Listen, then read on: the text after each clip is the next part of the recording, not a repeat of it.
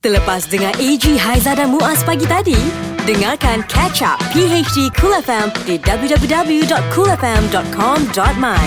Cool FM, temanmu, muzikmu.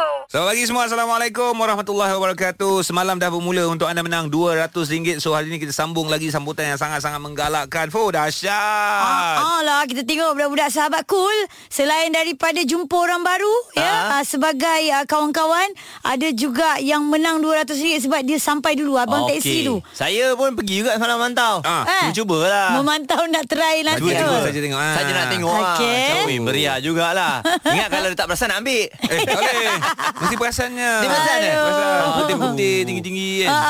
Putih-putih Okey peluang itu uh, Akan kami berikan lagi hari ini Yes. So dengar di mana sahabat cool Dan jangan lupa Kalau anda dah ada stiker City Cool sana sini Mhm. mm-hmm. Tampal dan uh, ingat Kalau anda sampai awal pun Tapi anda tak tegur sahabat cool dulu Ah, sombong. Ah, Lah, sombong. Anda tak dikira sebagai pemenang. Ini siapa yang datang kemudian tegur dulu bagi tahu dekat sahabat cool ah itu akan dikira pemenang dan menang RM200. Alright dan kalau ada peluang waktu bonus pula mm-hmm. anda boleh dapat tiket Datuk Sri Siti Eh, Nurhaliza on kereta tour. bukan ada tau. Kereta stiker yang ditampar di cermin kereta tu kena ada. Kena ada. Jangan ada stiker kereta kat barang ni dekat uh, apa? Bengkel. Kuala Pilah. Ah. Tak boleh macam tu kena ada kereta. eh. Kena ada Mana? kereta. Alright, itu uh, orang cakap tu sedikit sebanyak cara-cara untuk menang RM200 lah. Yeah, Ya, betul. Okey, banyak lagi cerita-cerita menarik kami nak kongsikan bersama dengan anda untuk hari ini Selasa 12 Mac 2019.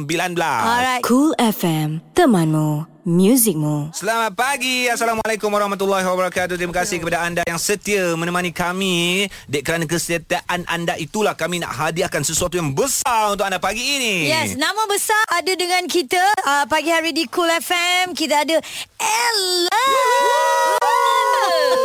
Yeay, dapat Yeay. jumpa Ella lah lagi. Yeay. Setelah video yang kami buat untuk AJL tu mendapat perhatian ramai. Dan Ya. yeah. kami akan keluarkan single Wow. Uh, Tak sia-sia Muaz pergi takut belajar nak vokal. jawab komen lagi dah. Selamat pagi pada Ratu Rock negara kita. Selamat pagi semua Uh, uh, seronok eh kita Selamat dapat pagi berkumpul. pada pendengarku Yes. Yep. Mm. Tapi uh, Ella memang kita sedia maklum adalah mm. ratu rock negara kita Malaysia. Yep. Maintain mm-hmm. sampai sekarang dia Yeah. punya title tu. So Oh, nak tanya Sekarang lagi maintain sebab selepas kita keluarkan hari tu kita punya group Yes. kita keluar daripada grup ke kita keluarkan grup? Okay sorry Okey, nak tanya Ella lah eh. Ya, saya. Uh, betul ke apa yang Ella dengar ni? Kalau betul tolong uh, bagi tahu penjelasan. PHD 3, 2, 1. Ini baru rocker sejati deh.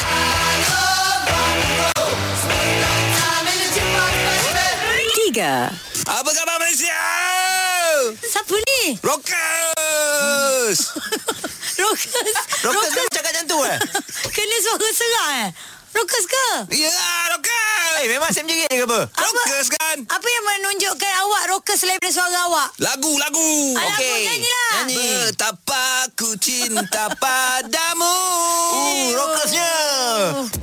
Dua. Rokas sejati kan. Lokus. You rokas Cina ke? Lokas. Ayah. Lokus ke loker? Ini, ini perempuan nak taruh dalam loker sajalah. Satu. Wow. Memang wow. rokas macam tu selalu. Dia tak ada Ah. tak ada nak cakap apa pun. Tapi Masuk kalau jumpa je dia dulu. macam wow. Tapi bang, tapi bang, ini memang rokas sejati bang. Hmm. Saya tengok dia daripada atas sampai bawah koyak semua. PHD Tak baik cakap rockers koyak tau. Eh lah. Dulu, rockers nak Eh. dulu. jadi Rockers nak jadi rockers ni macam mana sebenarnya? Sebenarnya Dulu-dulu kan. uh, Purely Saya rasa mm-hmm. Jadi diri sendiri je Ah, kan? Mana betul lah dia sendiri. Keseluar koyak. Tak pa- Pakai je- Pakai jeans. Slap pun okey. Ah. Pakai slap pun okey. Boleh. Tak semestinya pakai jeans tu rock. Ya, kan? betul. Ah. Jiwa, Tapi jiwa. Kita ingat Jiwa. lagi Ella dengan image dia seluar jeans, uh, t-shirt putih. Hmm. Betul Oh. Berapa tahun kekalkan image tu Ella? Agak-agak. Uh. Lama rasa lama kot. Dia tak kekalkan Tapi dia pakai je Ah. Oh. Itu kena kekalkan namanya Oh, dia macam jadi ikutan ha? Ah. Lepas tu pakai Oh choker. jadi diri sendiri Terpelanjat kita. Saya pun terperanjat. Nervous ai. Tak apa Kita semua awake Kita Yes. Ah. nak tanya Ella macam-macam lagi uh, berkaitan dengan konsert yang akan berlangsung di Istana Budaya. Betul. Lagu ni yang ada banyak musician main eh 200 eh. 200, 200 ah, musician ya yeah. di uh, Matic ya hari tu. Betul. Bila tengok Dahsyat. macam daripada as, budak uh, universiti Aswara Ha. Sampailah yang kecil Ha. Bermain violin Ini PHD Cool FM bersama AG, Haiza dan Muaz. Beratus lagu berhantu nyanyian Ella yang yes. Yes. Ella hadiahkan kepada anda. Kami berikan salah satunya ataupun senang cerita satu jam ni lah. Aha. Di PhD QFM kita akan uh, berikan lagu-lagu Ella. Kita Dengan lagu Ella je letih. beruntungnya. Tadi, tadi saya cakap ni lagu Semilu ni ha. seksi bagi saya dia kata Eh, kita- seksa. Kenapa kita cungap-cungap ni Tak, I nyanyi lagu tadi tu lah. letih betul nak nyanyi dia. Dia kata lagu lagu sembilu tu seksi. Ha. Kita dengar Ella kata I seksa. Sebab tinggi kan. Ha. Lagu ciptaan, ciptaan siapa Ella? uh, Adalah ciptaan um, Sari. Ya Amri Ha, ha. Ah, Cik Ali Amri. Amri. Oh banyak sebenarnya kan lagu-lagu ni. Ni hmm. nak, nak tanya jugalah uh, uh, bila tercetusnya idea nak buat konsert akustik ni. Mm-mm. Tiga hari pula tu berturut-turut. ha. Okay um, Idea dia ter, Terhinggap Terhingga. Kepala Pagi Ayah, ayah, ayah, ayah. Kita support Nori. Elak, elak, elak, elak, elak. Ah, Hinggap sebab, Ha. kita tangkap, ah, ah. Ramai masih lah buat uh, Banyak show lah buat yang uh, Private show Atau uh-huh. show Kita banyak main macam Unplug Macam akustik Ah, ah. Dari situ kita nampak Ramai sekali orang minta uh, uh, Apa uh, Muzik ataupun Mm-mm. Persembahan yang sebegitu Mm-mm. Tapi kalau Okey, okey, sila, sila. Jangan kacau dia pagi. Ya, ya, ya.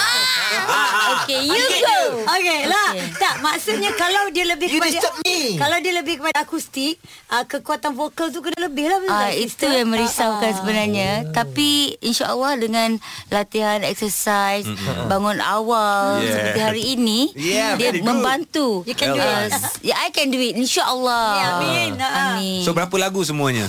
Ada 20 buah lagu Setiap hari tiga hari 20 lagu. Tapi jangan lupa kita punya segmen Ya, ya, ya. Oh, ada eh confirm. eh? Oh, seram. Jangan, ah, jangan cakap dulu takut orang tak beli tiket. Ah. Ella, Ella and the Naughty Boy. Kita dah. Tiket 29 30 31 kan? 31 dah settle. Habis dah. Nasyat sold out lah. eh. Ah. So jangan lepaskan peluang untuk anda beli cepat tiket tersebut sebab uh, I believe uh, this is my favorite song uh, akan Ella nyanyikan ya. Boleh eh? Boleh Ella nyanyi lagu Boleh Ah. ni? sekarang Eh tak tak tak masa Nanti dulu konsert Ella. masa konsert. Oh. Ella Okey, boleh? simpan, okey? Ah. Ella janji. Sekarang kita nak nyanyi sama-sama ni. Letih lah nyanyi lagu ni. Cool FM, The Mamu, Music Rules. Yes, memang betul. Terima kasih kepada anda bersama mendengarkan kami pagi hari di Cool FM yang Ya. sedang memandu. Hati-hati kita bagi awal sikit info uh, trafik Ya. supaya anda dapat rancang perjalanan anda Betul. kerana sekarang ni kita bersama dengan Ella. Yeay. Ah, Abang-abang yang memandu sekarang ni boleh terus stay dalam kereta, Mhm. memandu dengan berhemah kerana lagu-lagu yang kami berikan satu jam ni confirm boleh mengimbau kembali kenangan dulu. Betul. Hati-hati memandu tau Itu je. Oh. Okey, uh, tak, cerita mana pasal Ella ni ada banyak cerita tau. Ha, ha. Tapi bila sebut mengenai akustik yang uh, bakal berlangsung nanti ni amplak dekat Istana Budaya kan. Um, bila-bila selalunya macam tu adakah akan ada banyak pergerakan sebab kita tahu Ella ni kalau menyanyi ke kiri ke kanan lompat. Dia menguasai Tapi pentas, Saya kan? tak tak tahu kalau macam akustik ni macam mana? Adakah dia stay relax? Okey, nyanyi Oh, ramai-ramai. Okay, kita ada tiga segmen Okey. okay. yang berbeza. Ha. Uh-huh. Yang pertama tu uh, Ella Unplug Okey. dengan um, ada pergerakan lah juga. Mm-mm. Dan, dan uh, segmen yang kedua adalah uh, itu adalah peace. Mm-hmm. Ha. Segmen kedua ada uh, peace love. Mm-hmm. Yang lagu baru love Lah tu eh. Asli. Ha, ha. Okey. Oh. Asli kita unplugkan dia. Asli? Ha. Lagu- Uh-uh. lagu Lagu asli eh. Ha. Wah. Oh, contoh-contoh lagu. Um, Jauh di mata dia kakak. tak ada. Oh. Sebab kalau tu ada dia bawa Ah. I tak nak bawa lagi Okey. so orang dapat yang eksklusif ah. ah. Lagu macam Ku sangka Oh, sedap. Oh di na, na, na. Na na na na pun sedap.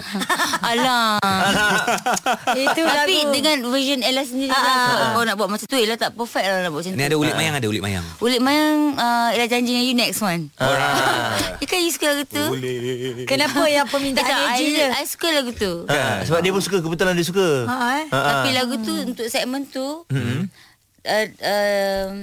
dia berbeza. Alright. So mungkin kita akan buat show yang berbeza lah. Tapi tak apalah sebab kita memang nak inginkan Ella ni buat banyak lagi konsert. So lagu dia yang dia simpan tu Mm-mm. boleh buat pergi ke next. Ha eh. Eh, Ella kalau nak nyanyi semua rasa tiga hari baru siap satu uh, satu konsert tau. Betul. Tiga hari satu konsert bukan tiga hari dibahagikan. Tidak. Ini dua jam eh, dua jam konsert lebih kurang. Dalam 2 jam. Dalam 2 jam Rugi kalau tak datang Hmm. ya Yeah. So kita nak berhibur lagi Lagu ini kami tujukan kepada anda Yang Woo. tak datang Woo. Konsert Ella pada 29, 30 dan juga 31 Awak jangan Mac playlist saya eh. Menyesal. hmm. Hai. Saya- Tiada- tiada saya penawar. Saya cuba, saya cuba. Ada wedding kat Johor? Ha ah, saya cubalah. Masalah peribadi tu Tak. Ah. wedding tak apa. Masalahnya macam wedding biarlah orang tu akan kahwin Ah. kan. Kita dah tak konsert ni 3 hari saja ada. Eh, Sungguh. Ha. Tak apa, I love you sis Ella. Kita tinggal 2 hari tau. Oh, okay. Ah. Hanya 2 hari. Jangan Boleh salam datang, eh. teruk je kan Salam kau. Anak Kita buah radio. aku. Sabar, sabar. Yang kahwin anak buah, mak buah dia kan dah kahwin. Mak buah. Ini PHD Cool FM. Ya berkali-kali kita cakap Jangan kesal uh-huh. Ha-ha. Sebab Ella bagi 3 hari kan Ha-ha. uh-huh. 29, 30, 31 Untuk anda hmm. Ya. menyaksikan uh, Konsert akustik bersama Ella yeah. Okey, untuk konsert ini apa yang uh, Ella janjikan sebenarnya kepada uh, peminat-peminat yang datang bukan dah saja daripada Kuala Lumpur, saya pasti Mm-mm. Singapura, Mm, Indonesia, betul, betul. Uh, Brunei. Ha. Mm-mm.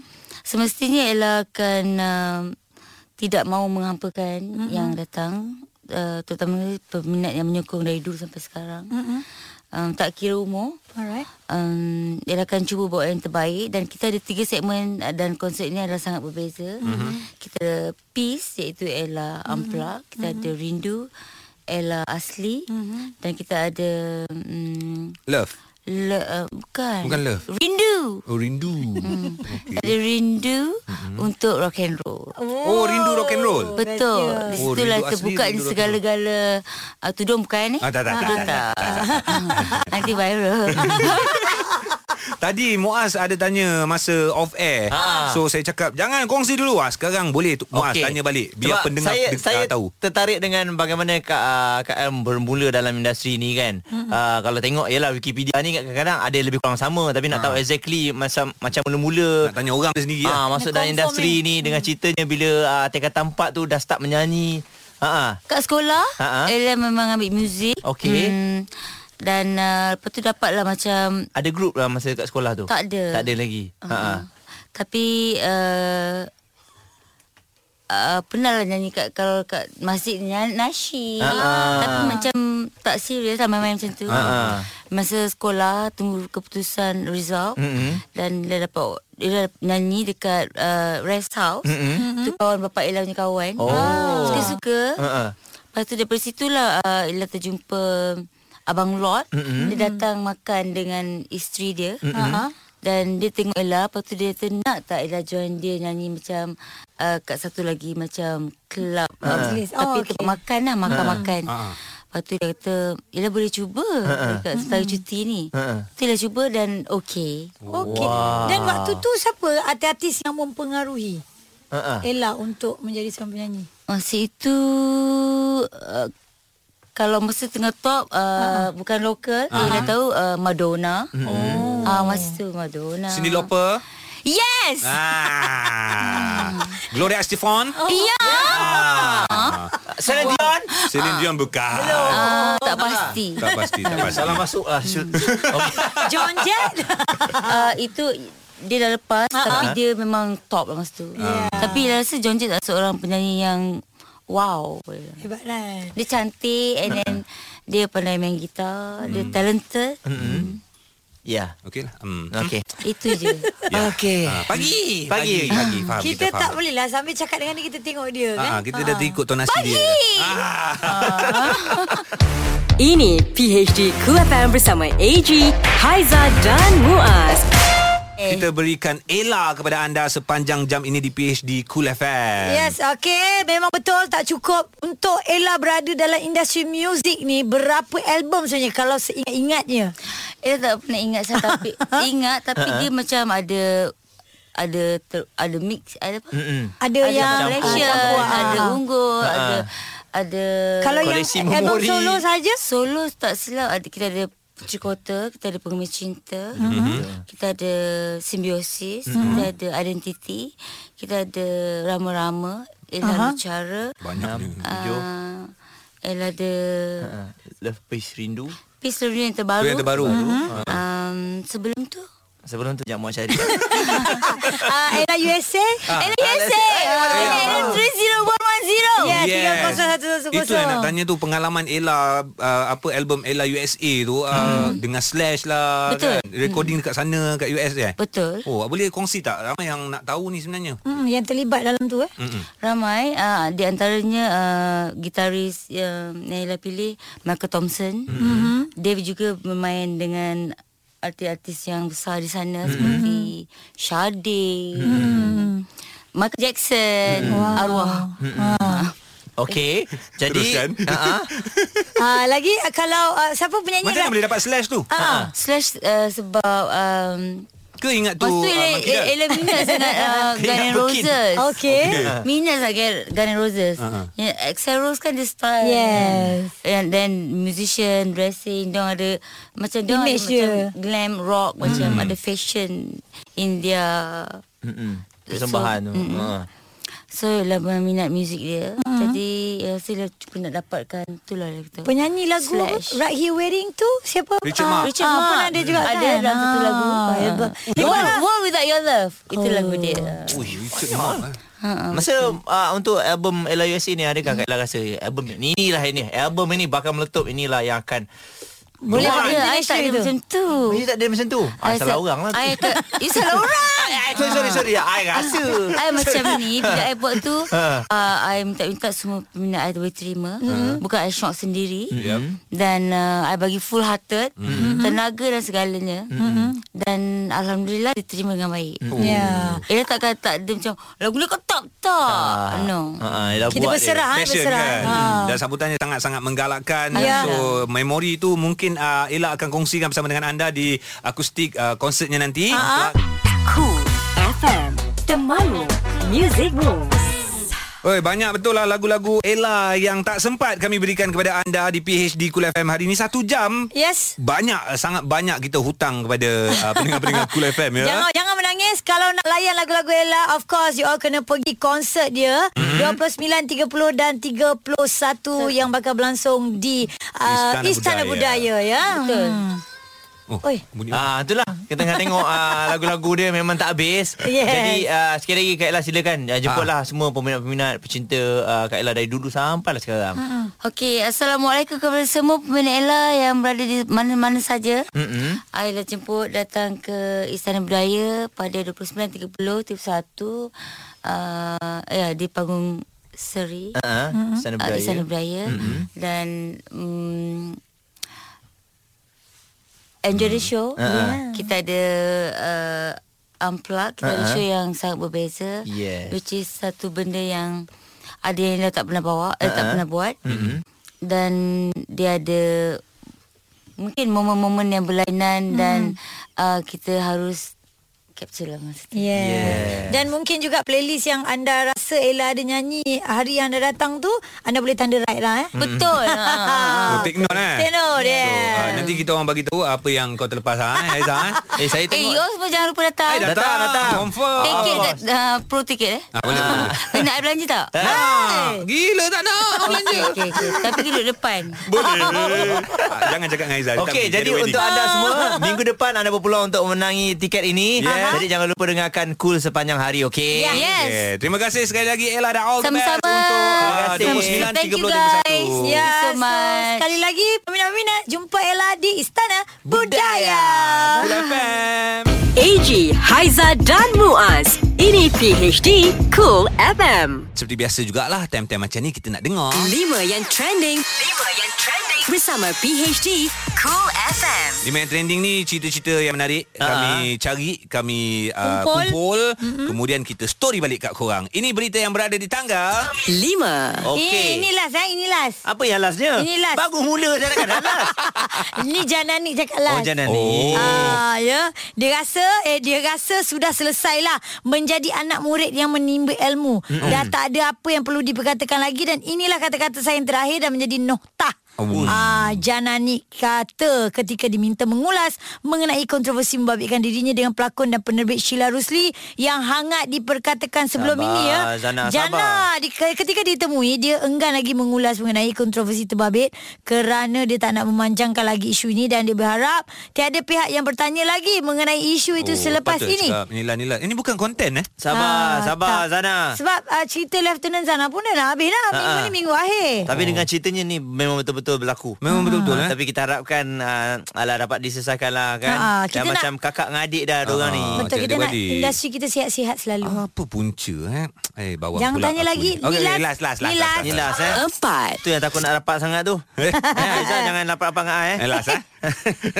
Okey, ni kisah mengenai uh, penumpang pesawat tertinggal bayi di lapangan terbang. Aduh. Allah, ada Ah. juga. eh. Hmm. Okey, di Dubai lazimnya sesebuah pesawat diberikan kebenaran untuk berpatah balik ke lapangan terbang mm-hmm. jika berlaku hal kecemasan yang serius mm-hmm. ataupun sesuatu perkara berlaku hingga memaksa juruterbang berbuat demikian. Namun Oh, oh, boleh. untuk sesebuah penerbangan berpatah balik gara-gara seorang ibu menyedari bayinya tertinggal di lapangan Allah. Allah. terbang, uh, satu yang luar biasa Ya, ya. memang, Jadi ha. ada portal berita Gulf News uh, melaporkan insiden itu berlaku minggu lalu apabila sebuah pesawat penerbangan Saudi terpaksa berpatah balik ke lapangan terbang setelah ia berlepas. Oh. Kau Ah, rasa tu. kenapa dia tertinggal? Ah, Uh, makan lambat Ah, nak, nak kejar Banyak flight. Ah. benda kan. Ha, Ha, sebab kadang-kadang tu dia letak anak dekat tepi. Ha, sebab tu kalau kalau ini naik kapal terbang. Ah, ataupun anak ramai. Ah, Mana abang? Ah, anak kat abang. Eh, anak kat saya, anak kat abang. Ah, macam itulah. Lala tinggal. Macam cerita ni ya, Home Alone. eh. Ah, betul. Tiga. Alright, uh, sanggup sewa papan tanda begitulah nasib yang dialami oleh seorang pemuda di daerah Semarang, Indonesia mm-hmm. yang mana kejadian itu tular di Indonesia apabila jejaka itu nekat menyewa sebuah papan tanda besar tepi jalan. Namun apa yang mencuit hati pemuda tersebut bukan mahu mengiklankan perniagaannya tetapi mengiklankan perbuatan teman wanitanya. Oh. Pada umum Wat Kemauan wanitanya dikatakan telah mencurangi dirinya Apa Untuk membalas perbuatan gadis tersebut Pemuda itu meletakkan gambar kekasihnya dengan caption Kamu sudah kecewakan diriku Kamu sudah curangi aku Aku mau putus Oi, Aku- tapi kaya lah maknanya dia. Sebab Iyalah. dia nak sewa billboard tu tahu tak berapa dia Betul punya harga. mahal tu. Hmm. Ah. Itulah eh nak macam mana. Dua. Tak mengerti. Ini berlaku di Putrajaya dan juga Shah Alam. Uh, udara dua kawasan ini berjerebu mencatatkan bacaan indeks pencemaran udara ataupun IPU tidak sihat setakat uh, 6 uh, jam 6 petang semalam. Ah. Berdasarkan bacaan yang dipaparkan melalui laman web E apims.doe.gov.my milik Jabatan Alam Sekitar Putrajaya hmm? merikutkan bacaan IPU 101 manakala Shah Alam pula IPU 166. Wow Ah itu dia ya. Ah, dan 47 lokasi lain merikutkan bacaan IPU sederhana manakala 17 lagi lokasi lain pula dilaporkan dalam keadaan baik. Kita sedia maklum Sekarang Malaysia cuaca agak panas So jaga diri baik-baik ya Satu. Alright, ini kisah mengenai negara jiran kita Indonesia mm-hmm. diletakkan di tangga pertama negara paling tidak selamat di ASEAN bagi kaum wanita. Oh. Dan menurut satu kaji selidik yang dibuat oleh Value Champion, syarikat yang berpangkalan di Singapura itu turut mendapati Indonesia kini berada di tempat kedua negara paling berbahaya di rantau Asia Pasifik selepas India. Oh. Manakala Filipina pula di tempat yang ketiga. Oh tapi Ya. tidak dinyatakan kerana apa. eh? Ah, mungkin ini just pemantauan berdasarkan beberapa Ah, ah. responden je, tidak Mungkin. secara keseluruhannya lah kan. Survey lah katakan Ah, survey. kan. Hmm. So apa pun ke mana saja anda pergi sebenarnya Betul. bukan Betul. saja di negara jiran kita Indonesia malah negara kita pun kita jangan nak uh, memoyorkan diri sendiri cakap Ah, ah, jangan kita selamat, lewa." selamat tak. Keselamatan perlu di kena jaga utamakan, ya. Ha, ha. Jadi jangan update lah kat mana saja anda berada. Oh dah masuk sini check in, dah Ah. masuk sini itu lagi bahaya dek. Ah, ah, Ya. yes. orang follow je tahu. Ah. Hmm. Baik itu dia lima yang trending kita kongsikan hari ini. Esok dengan cerita yang berbeza kita harap-harap lima yang trending esok semua cerita positif lah. Ya. Yes. yes, jangan lupa untuk catch up PHD Cool FM. Ini PHD Cool FM. Dramatic Cool. Adakah impian seorang gadis yang bercita-cita untuk bertemu idolanya akan tercapai? Atau cita-cita itu akan musnah bersama cintanya yang tak kesampaian? Aku Cinta Padamu membawakan penampilan khas Dato' Sri Siti Nohaliza di samping Wani Hasrita sebagai Cempaka dan Izu Islam sebagai Aaron Iskandar. Dalam Aku Cinta Padamu, episod lepas. Kau nak buat apa kat sini doh? Eh, kau tak puas lagi ke? Dah sebulan kita terperap dalam hutan ni. Alah tak apalah korang balik je dulu. Aku ingat aku nak buat research sikit dekat sini sebab tu aku nak mesti. Aku nak buat research pasal buku masakan aku tu. Aku Cinta Padamu Episod 2 Tapi apabila aku sedar diri Siapakah aku ini Aku bertanya sendiri Apakah akan terjadi Oi, eh Cempaka, kau ni kalau sehari tak nyanyi lagu Siti Nohaliza tu tak boleh eh. Telinga aku dah naik menanah dengar suara kau, kau tahu tak? Abang ni Sikit-sikit nak marah Sikit-sikit nak marah Apa je pakai buat Semua salah Semua tak betul Abang nak apa sebenarnya Aku nak kau tolong akulah. Tak faham ke? Habis tu Selama ni Cempaka tak tolong abang ke Tolong memanglah tolong tapi tak cukup Cempaka tak cukup. Kau faham tak tak cukup? Abang nak Cempaka buat apa lagi abang Tak tak, kau ni jenis tak boleh diharap. Tahu? Lembab, suka berangan. Ah ha, lepas tu buat kerja macam siput. Menyusahkan hidup aku je ada adik macam kau tahu tak? Abang Bulan ni dah melampau tau Cakap ikut sedap mulut abang je Hoi, kau nak pergi mana tu? Eh, Cempaka. Hoi. Ih, ada adik pun tak guna kau tu tak. Tak boleh harap.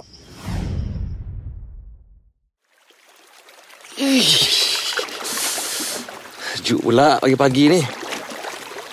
Uh, tenang Dayun sampan kat sini seorang-seorang. Tengah-tengah tasik pula tu. Oh, Abang Bulan ni memang tak patut cakap kat aku macam tu Dia ingat aku ni tak ada hati perasaan ke ha?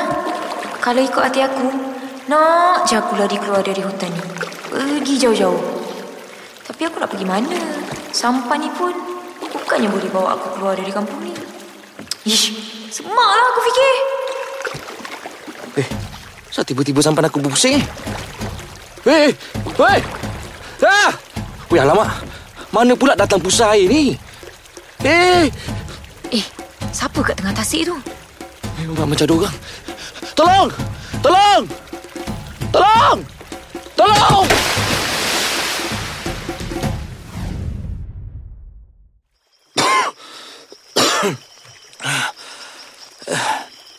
Ni, terima kasih banyak-banyak tolong aku tadi.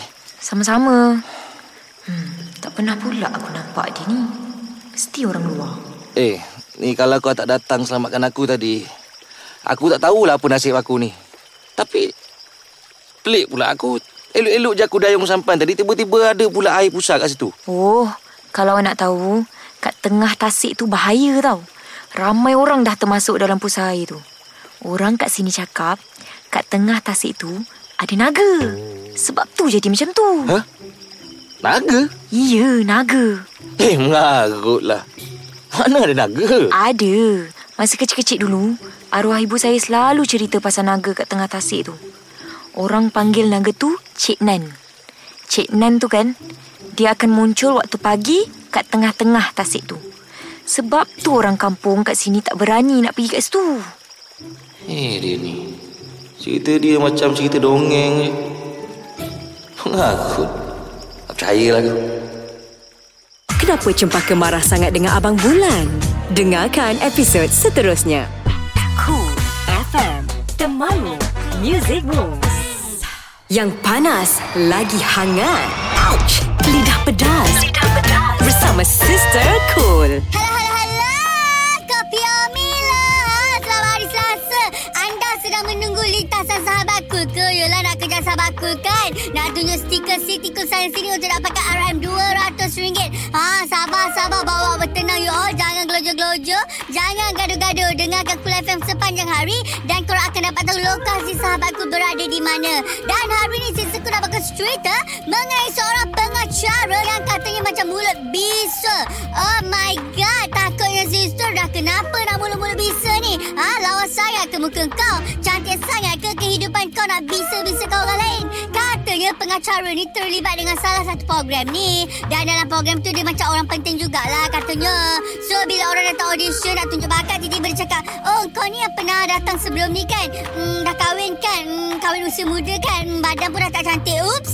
Like seriously dia cakap macam tu Takutnya sister Astaghfirullahalazim Macam tu sekali dia tembak orang yang datang casting tu Tak baiknya Mentang-mentang kau berada di atas Engkau pernah dapat macam-macam award So suka-suka kau je tembak-tembakkan orang Tak baik tau Kahwin awal tu pun satu rezeki tau Badan besar tu pun satu rezeki tau Kau ingat kau cantik ke? Ih sister benci betul lah Kalau orang-orang body shaming ni Apa-apa pun sister cuma nak pesan dekat semua orang Tak kisahlah kau pengacara ke Pelakon ke penyanyi ke Juri rancangan ke Jangan nak bisa-bisa sangat mulut tu Besok kalau dah belaga buku dengan Ros Baru tahu Okeylah bye Ini PHD Cool FM. PHD 3, 2, 1. Ini baru rocker sejati deh.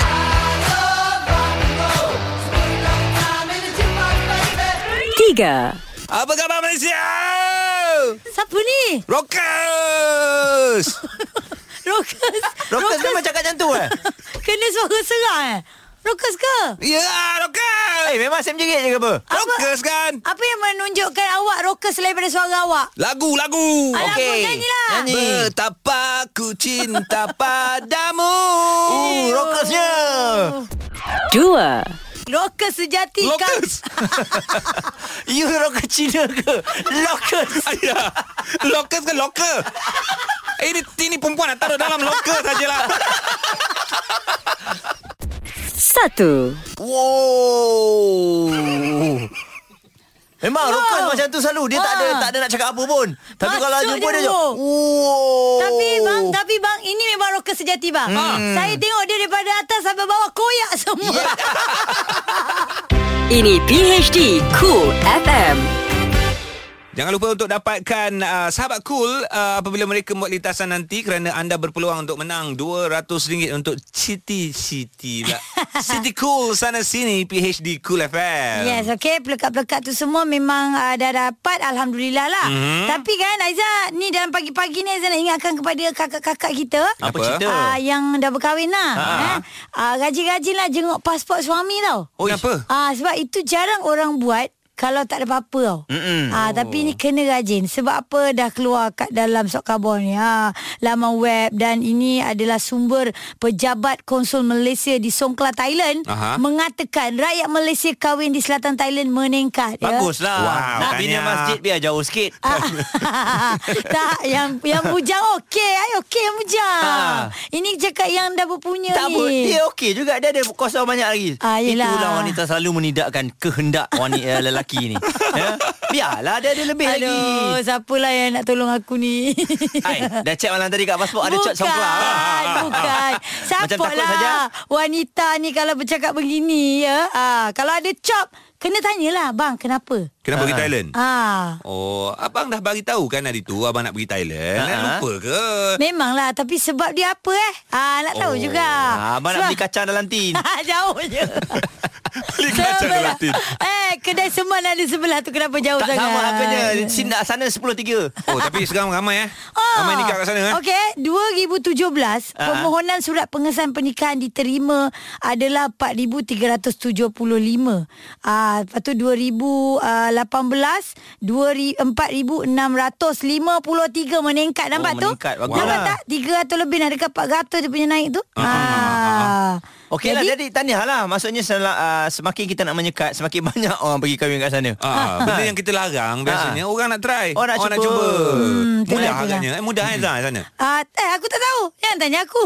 Tapi inilah yang Habis kau, dikeluarkan. kau, kau beritahu Ha? Senang tak, ke? Ha, Nak bagi ingat lah uh-uh. Lepas tu ni ada komen Amir Sulaiman Dia kata lelaki yang tak kahwin pun Meningkat Gaji murah Susah nak kumpul duit lah Abang try lah pergi sana Kahwin kat sana eh. Oh. Kahwin kat sana maksudnya bawa orang kita kahwin kat sana, betul tak? Yelah. Bukan kahwin orang sana. Oh, ah, ya tak ya juga. Ah tak tahu tak ada pengalaman Oh, rasa macam dah panjang sangat perbincangan kita ni. Okey. Sonok cerita pasal Serang. kahwin ni. Ya. Aku cu- cakap cuba-cuba Suruh Ya, cek ya, okey. Satu je Ya ya ya ya ya ya. Cool FM. Temanmu. Temanmu. Musicmu. Siap sedia untuk anda kejar Sahabat Cool dengan lintasan Sahabat Cool setiap hari. Anda boleh menang RM200. Mhm. Ya, yeah. nak bagi saja je eh. Betul. Ah, Bersama kita- dengan kami PhD Kul FM pun ada peluang itu uh, yang akan kami berikan kepada anda. Paling tak pun manalah tahu dapat tiket konsert Tok T. Yes, sebab konsert Tok Tin 16 ni kan. Ah. Alright, so peluang ada. Tapi sekarang ni kita nak cerita pasal ibu bapa yang uh, busy-busy macam mana pun, hmm. anak-anak kena sentiasa dipantau. Betul. Okey. Ah, eh. Tapi ni kisahnya bila dah tolong pantau, kena pula marah. Katanya tak payah sibuk hal orang, kena sound. Mm-mm. Aha. Apa Oh. Hmm. kisah lah ni? Ini kisah Lokman. Nama dia Lokman. Lokman ni dia pergi cuci baju dengan anak dia okay. Okey. dekat Lubia kan. Ha. Dia ada nampak satu budak perempuan duduk kat motor ni lama tau. Okey. Tapi dia ambil gambar. Dia perhati je lah. Ah, dia perhati je apa budak perempuan ni buat, kenapa Ah. seorang kat situ. Dia pantau lah. Ah, dia pantau. Dia tengok jugalah apa masalah dia kan. Ah. Sekali bila apa ni ah, dia da- dia datang dekat katanya bapak budak perempuan tu masuk dalam Okey. tinggalkan anak dia dekat parking motor tu. Aha. Ah, so bila bila bapak dia datang balik dia marah Lokman ni. Eh? Ah dia marah Lokman ni jangan sibuk lah apa semua. Lokman ni risau sebab Yelah. Yelah. sekarang ni macam-macam boleh jadi kan. Ah, Budak tu seorang kat motor. so dia kata kalau kita ambil sikap tak peduli macam-macam boleh jadi pada budak kecil ni. Setuju, hmm. setuju. Ini bapak macam ni susah juga nak Ha. anggap ni. Kalau apa-apa jadi dekat bapak tu aku tak kisah sangat. Ha. Kan? Ini apa jadi dekat anak tu kesian. Dia kata, Itulah pasal. alah kau anak seorang. Mana kau tahu pasal anak-anak ni? Hmm. Ha, kan? Seorang ke sound lima orang ke kena Ha. jagalah eh. Eh, sebab baru-baru ni tengok dekat tak tahu lah ini kisah lama ke kisah baru ke tapi mm-hmm. uh, bila bapak dia turun daripada motor pergi kat mm-hmm. kedai runcit anak uh-huh. dia Ha. ada kat atas motor. Ah, lebih kurang macam ni lah. Ah, lepas tu Ah. datang satu motor nak bawa anak dia lari nasib baik sempat cekup budak Ah, tu. ah, betul. Bahaya Ah, lah. Ada rekod CCTV kan ah. situ Ah. kan. Ah. So Lokman ni cakap lagi, saya saya ni tunggu ayah anak dia ah, dekat motor sampai bapak dia datang minta bapak dia jelaskan Oh. oh. kenapa tinggalkan anak dia kat sini. Ah, Ah, tu ah, kena marah Lokman kata, tu yang susah ni. Jadi prihatin bermasalah. Tak apalah hmm. Janji kita buat benda yang betul Ah, Kita lah? Betul. marah pun tak apalah Tak apalah, Lokman. Ha. Tak anggaplah tu Biasalah kan hmm. Kadang-kadang uh, Bapak-bapak ni Kita ada ego dia Yeah. sendiri Yeah. Ah, Eh, kan? Apa pun, tahniah untuk Lokman lah. Yelah kita tolong pantau dari jauh lah Kalau anything happen Ada Ada tindakan bukti. Mm-mm. yang cepat dilakukan ya Hmm. Yes, betul. AG, Haiza dan Muaz. Ini PHD Cool FM. Yes, kami bertiga memang betul menemani hari Selasa dah 12 bulan Mac 2019. Belas. Ah. Sekarang dah 7.3 minit pagi. Okey, macam biasalah time-time macam ni. Ah. Kita ada sesuatu untuk anda dalam Twitter. Tweet Tweet di PHD Cool FM. Eh tengok kat Twitter ni Ada macam-macam cerita Kadang-kadang Hmm. saya dah sampai tak larat dah eh. Tak kan? layan. tak, Malah nak tengok lah Tapi tangan ni mengusik Tengok Itu, balik itu belum lagi apa yang yang trade tu maknanya panjang kan. Ah, tak kena baca. Ah, citantu citantu citantu. Ujung-ujung rupanya. Oh, Hmm, jual barang tak lah. apa je lah. Tu Okey, biasa, hari kan? ni yang terpilih ceritanya Ha? ialah Ah ini yang ditweet oleh ah, tweet handle dia namanya Kaharudin Intan. Kaha Sihat Kaha Lama Ha, tak jumpa dak Kaha ni Rasanya ni uh, isterinya yang masukkan ni. Ah. Elias Isteri dia? Aci ah dia kata suami berang kerana isterinya malas isi minyak. mana sini Ah, nak. Ah, berang dia ada ni kita record dia punya Marah. audio ni.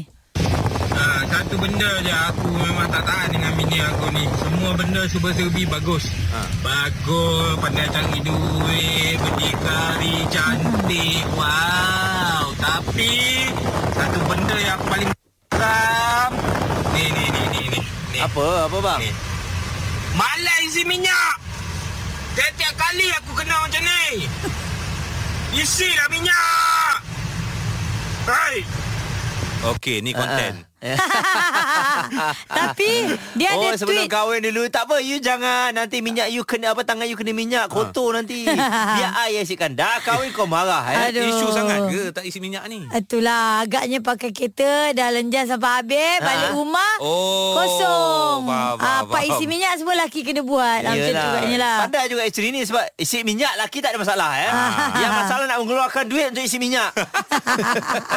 Bukan kereta kita, kereta dia. Ya, ya, ya kan. Aduh. Tapi kalau anda nak tengok nanti kita kongsikan lah dekat Instagram at coolfmmy. Ah, Okey, itu viral juga, eh? Viral lah. Ah, gitulah dia punya tweet tu. Retweet ada 16,000. Oi. Oi, oh. Yang like ada 9,000 lebih. Maknanya benda ni kenyataan. Tadi Ah, sure bukan suara Izam eh. Sebab Eh. dengar macam suara Izam. tak, tak, tak, tak. Ini adalah suami kepada yang tweet ni. Kita akan share sebentar lagi di Kul FM. Cool FM. Temanmu. Music Moves. Selamat pagi. Anda bersama kami PHD Cool FM dah menang RM200 semalam. Alhamdulillah tahniah yang belum boleh cuba dan kejar sahabat cool hari ini. Baik, uh, untuk anda semua, um, pagi-pagi ni kan saya dengan Haji tadi ada terfikir satu benda lah. Ha. Ha. Nak pergi mandi swimming pool. Of course. Okay. Tapi dok uh, memikirkan uh, kolam mana yang paling dalam Ji kan. Yes. Ha, kita tak Eh. eh. jumpa lagi. Orang Sebab selama ni kalau aku terjun terus Ah. ha. ter, ter Ah, kena. ngantuk kepala. takut kau tinggi. Sebab cetek. Sebab Tak Eh, ada. aku terjun kat tempat anak-anak aku main air. Tak ada gini Kolam renang dia ada tulis kan Berapa meter So okay. Okey. dia kata no diving Jangan tak boleh Oh, ada tulis no diving? ah, Dia tak Oh. boleh boleh Tak boleh macam itu Dia Baik, kan baik. boleh Apa Berenang-renang ke tepian je Betul. Tapi kalau korang nak pergi Kolam renang yang paling dalam Ah. Di dunia ah, Berada di Poland ya Poland, Ah, Di okey, mana kita Poland pergi. ini bakal membuka kolam renang paling dalam di dunia Yang mempunyai kedalaman 45 meter Ush, dalamnya. Ah, so tahun ni nak buka ni so boleh kumpul Ui, duit eh. ya. 10 meter bukan dalam Ji. Ini 45 meter ya 7 meter kawan-kawan. je dah dalam. Ha. 7 kaki dalam tu. Kalau nak tahu kolam ini digelar sebagai deep spot yang itu apa? Deep spot. Ah, Ah, Deep spot Dia memerlukan 8,000 meter kubik air Untuk mengisinya Dan jumlah itu bersamaan dengan Memenuhi 27 kolam renang olimpik Oh. Kolam swimming pool selalunya yang uh, pandai dalam renung lompat tu berapa eh? Itu pun Ah. dah dalam. oh. Itu dah dalam kan? Okey. Okay. Tu pun dah dan, dalam. Dan ada lagi ya. Mm-mm. Selain itu, Ada JOS? deep spot turut dilengkapi dengan fasiliti lain Okey. seperti bilik persidangan, Bilik restoran, hotel dan Ayolah. Oh. terowong dalam air untuk pengunjung. Okey. Dalam air yang 40 berapa meter Ada terowong? tu ada. Oh, terowong kaca tu. Ah, semualah benda dibuat Saya kat dah dalam dapat tu. Ah. dah. Ah. Uh, normal uh, untuk Kolam apa, renang. kolam renang 25. 25 ini 25 double lah. meter. Meter Itu Ah. kalau yang untuk Olimpik semua lah kan Olimpiknya. Ah. Ui, 25 pun Ini dalam oh. 45 eh Ah, Ada hampir, hotel ada apa hampir semua double lah Hampir, Hampir double. Hmm. Oh. Kat Ah. mana? Poland? Kat Poland So bolehlah nak ti- tinjau Siap Ji, ke- jom. Jom Mari kita Poland. Jom kita pergi Poh dah Haram Apa tu? Lagu Oh. Cool FM Ini PHD Cool FM. Kami bertiga di sini menemani anda pagi hari di Kul FM Ya, ya kita faham Ramai yang rindu Muaz, kita tak boleh nafikan Memang Ya. ada orang rindu Rindu apa tu? Rindu ni Berita sukan bersama Haiza. Sila hadap. Namanya dia dah tak sabar dah. Kita harapkan Cha-cha-cha. kita faham. Ya yeah. Ah, Yeah. Yes. Zidane jumps at chance to rekindle. Huh? Rekindle? Rekindle. Rekindle. Cikgu apa cikgu punya dia? Cikgu. Rekindle. Rekindle. Ini Okay. Kinder Nasib baik ada cikgu kat sini ya. Ah. Real Madrid love affair. Ha, bercinta. Wah. Apa ni? Real Madrid Nak main affair bola dengan ke nak siapa? Bercinta ha? Barcelona. Zinedine. Eh, Zinedine. Hmm. Zinedine Zinedine Zidane said he never had any doubts about returning to Real Madrid Oh. after he replaced the sacked Santiago Solari as coach on Monday. Dah kena buang. Selari kena buang. When the president called me, the first thing I thought was, Mm-hmm. "Go, Zidane, go, just go." Zidane cakap dengan Zidane Ah, eh bukan. Cakap Yelah. pada diri sendiri Dia lah cakap kot. dengan diri The sendiri. president, the Diri. president. Zidane said Oh, presiden. at a press conference at the Zidane cakap Santiago. dengan diri sendiri Ah. Go Zidane go Presiden call Dia cakap Okay go Zidane Ah, go cakap diri sendiri lah. Ah. Betul okay, lah. Teruskan teruskan Biar aku Ah. Go explain Zidane, go, go Zidane. I could not say no. I never had any doubts about going back. Zidane, Zidane. Hmm. Tadi apa tadi? Go, Lepas tu aku dah tak faham dah Ah, Ha. Zidane. go Zidane. You have love affair. Dia macam ni Dia macam Ah. Go Zidane go Jam Jam Chris Cross, come on. Layari coolfm.com.my dan dengarkan ulangan di Catch Up PHD Cool FM. Cool FM. Temanmu. Muzikmu.